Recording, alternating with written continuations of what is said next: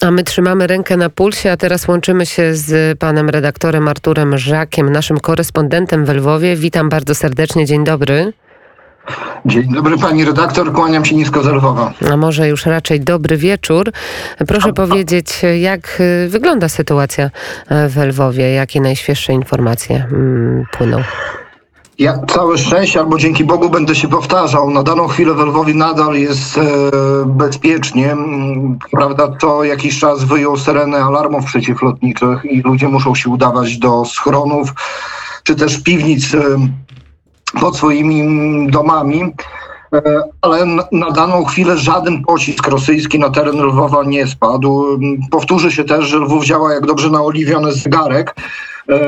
Bo w kwestii właśnie przyjmowania czy też uchodźców, czy też zabezpieczania porządku, czy też obrony. Tak jak słyszeliśmy też w relacji właśnie facebookowej Pawła, który nie mógł wjechać do Lwowa, są duże kolejki, a to jest spowodowane właśnie checkpointami przy wjeździe do Lwowa, bo trzeba sprawdzać każdego, kto wjeżdża i wyjeżdża do miasta, bo jednak tych dywersantów na terenie Lwowa złapano już co najmniej kilkudziesięciu.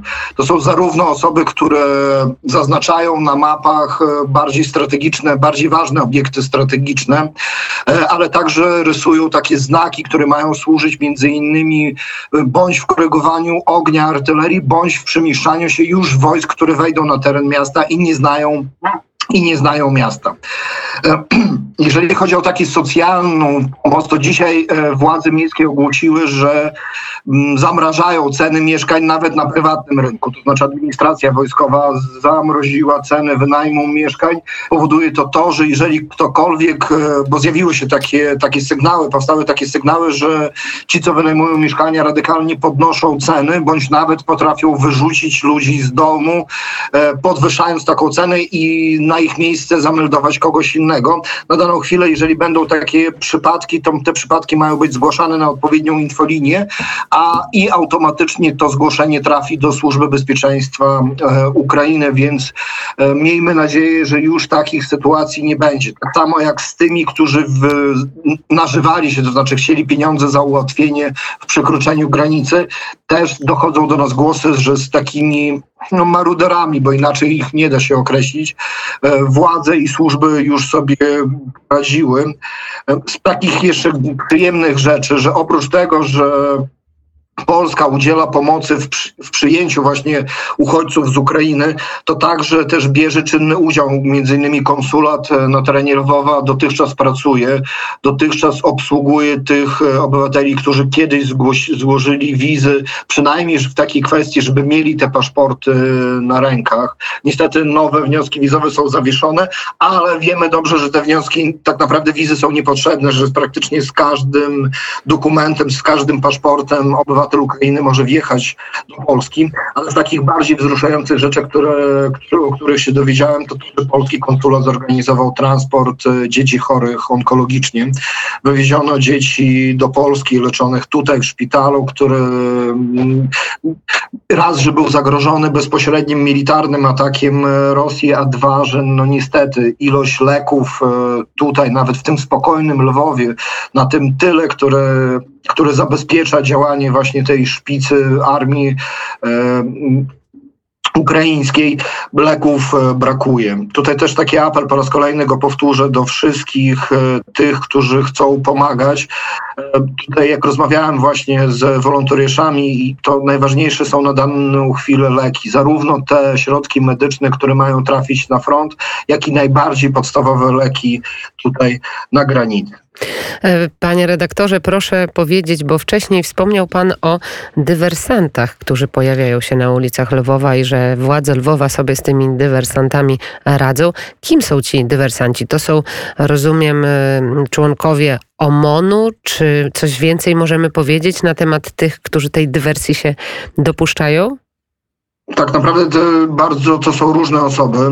Zdarzają się też miejscowi. Miejscowi, no, jakby to określić, e, z tak zwanych nizin społecznych przeważnie to są osoby uzależnione czy też od alkoholu, czy do innych substancji psychoaktywnych. E, często to są też osoby, które jeszcze kilka tygodni temu przyjechały do Lwowa, zameldowały się, na przykład e, SBU donosiło bodajże trzy dni temu o rodzinie z Krymu, która przyjechała do Lwowa, zameldowali się w hostelu, zachowywali się jak każdy przeciętny turysta. E, niestety Teraz jak zostali pojmani, okazało się, że mia, miała ta rodzina mapy. Na mapach były odznaczone właśnie te strategiczne miejsca, takie jak gazociągi, wodociągi, e, jednostki wojskowe, czy też e, checkpointy. Tutaj oprócz władz miejskich, czy też służb, które sobie radzą z tymi dywersantami, do pomocy aktywnie się udziela obrona terytorialna, ale także jest coś na kształt takiej obrony miejskiej, bo oprócz tego, że powstała obrona terytorialna jako oddzielna, oddzielny rodzaj wojsk armii ukraińskiej, to powstała taka, taka ochrona na podstawie samorządu, czyli tutaj urzędu miejskiego, gdzie ludzie się zapisują i mogą właśnie też czy w nocy pilnować bardziej ważnych miejsc. E, oczywiście oni niestety nie mają broni, e, ale są po prostu takimi dodatkowymi, dodatkowymi dodatkową parą oczu dla tych wszystkich, którzy stoją na straży naszego bezpieczeństwa. Ja dzisiaj pytam, bo y, przed y, niemalże dwoma godzinami rozpoczęła się kolejna tura rozmów rosyjsko-ukraińskich. Czy Państwo rozmawiają o ewentualnych scenariuszach związanych z tymi rozmowami? Mm, to jest w sumie dosyć niepokojące i te rozmowy są niepokojące, bo ludzie nie do końca wiedzą, czego mogą się spodziewać, chociaż e, ciężko nazwać to rozmowami, a tym bardziej rozmowami pokojowymi, bo podczas rozmów pokojowych e, przy, przyjęte jest na świecie przynajmniej zawieszenie broni. Dobrze wiemy, jak wyglądała sytuacja przy pierwszych rozmowach, gdzie tylko po ustaleniu mm, między prezydentami Łukasz, e, między, między prezydentami Zeleńskim i panem Łukaszenką wyleciały, wyleciały rakiety z terenu Białorusi. Na daną chwilę ostrzały i walki też nie są wstrzymane w żaden sposób. E, my, jak rozmawiamy między sobą, to nie, raczej nie bierzemy w ogóle pod uwagę, że mogą jakiekolwiek ustalenia, które by w jakikolwiek sposób e, nie wiem, ograniczały Ukrainę w jej dążeniu do, do, do państw zachodnich, do cywilizacji Zachodu z jednej prostej przyczyny, bo dobrze widzimy, jak się zachowuje prezydent Zeleński i, i generalnie czy sztab e, wojska, czy sztab generalny wojska, czy też e, ministrowie, czyli politycy w otoczeniu Zeleńskiego. E, I wydaje mi się, że jeżeli by były jakiekolwiek decyzje, które by właśnie tę demokrację uszczupliły, no to to pan Zeleński ze swoją ekipą musiałby chyba nawet szybciej niż Janukowycz uciekać. E, no właśnie, Rosji. bo pojawiły Ale... się także te głosy odnośnie powrotu Janukowycza ewentualnie e, do Ukrainy. To pewnie spolaryzowało opinię publiczną, w ogóle bardzo zdziwiło i zaniepokoiło.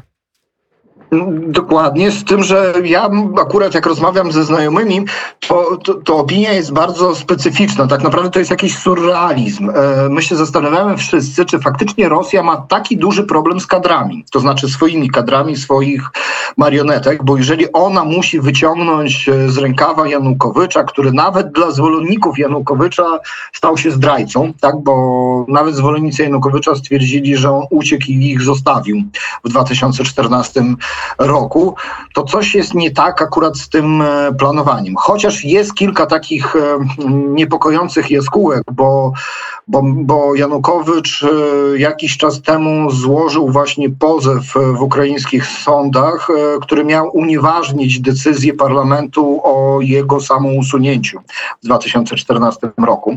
To też bardzo specyficzna sytuacja, bo na odwołanie się od tego samousunięcia, jeżeli się nie mylę, miał chyba pół roku termin na złożenie odwołania się. Minęło już 8 lat. Niemniej jednak faktycznie taki, taki pozew e, wpłynął do ukraińskich sądów. E, wtedy wszyscy to uznali za no, taki dziwny, dosyć specyficzny żart, ale z tym przemieszczeniem Janukowycza na teren Białorusi i ponownym właśnie objawieniem się byłego prezydenta na terenie Białorusi. Może faktycznie Rosjanie taki sprytny plan mieli, sprytny oczywiście w cudzysłowie, bo mm, chociaż nie wydaje mi się, że jeżeli by nawet oni go umieścili jako marionetkę na terenie Ukrainy, że on by miał jakikolwiek, jakikolwiek wpływ. No ale z drugiej strony e, nie wiem jakby to powiedzieć, wataszkiem e, DNR jest były sprzedawca piramidy finansowej, więc jak widzimy, problem z kadrami jest dosyć istotny, więc, więc, więc pewnie znaleźli Janukowycza. Bardzo dziękujemy za ten głos prosto z Lwowa. Nasz korespondent Artur Żak. Dziękujemy bardzo serdecznie. Dziękuję się, dziękuję, kłaniam się nisko. I na pewno do usłyszenia.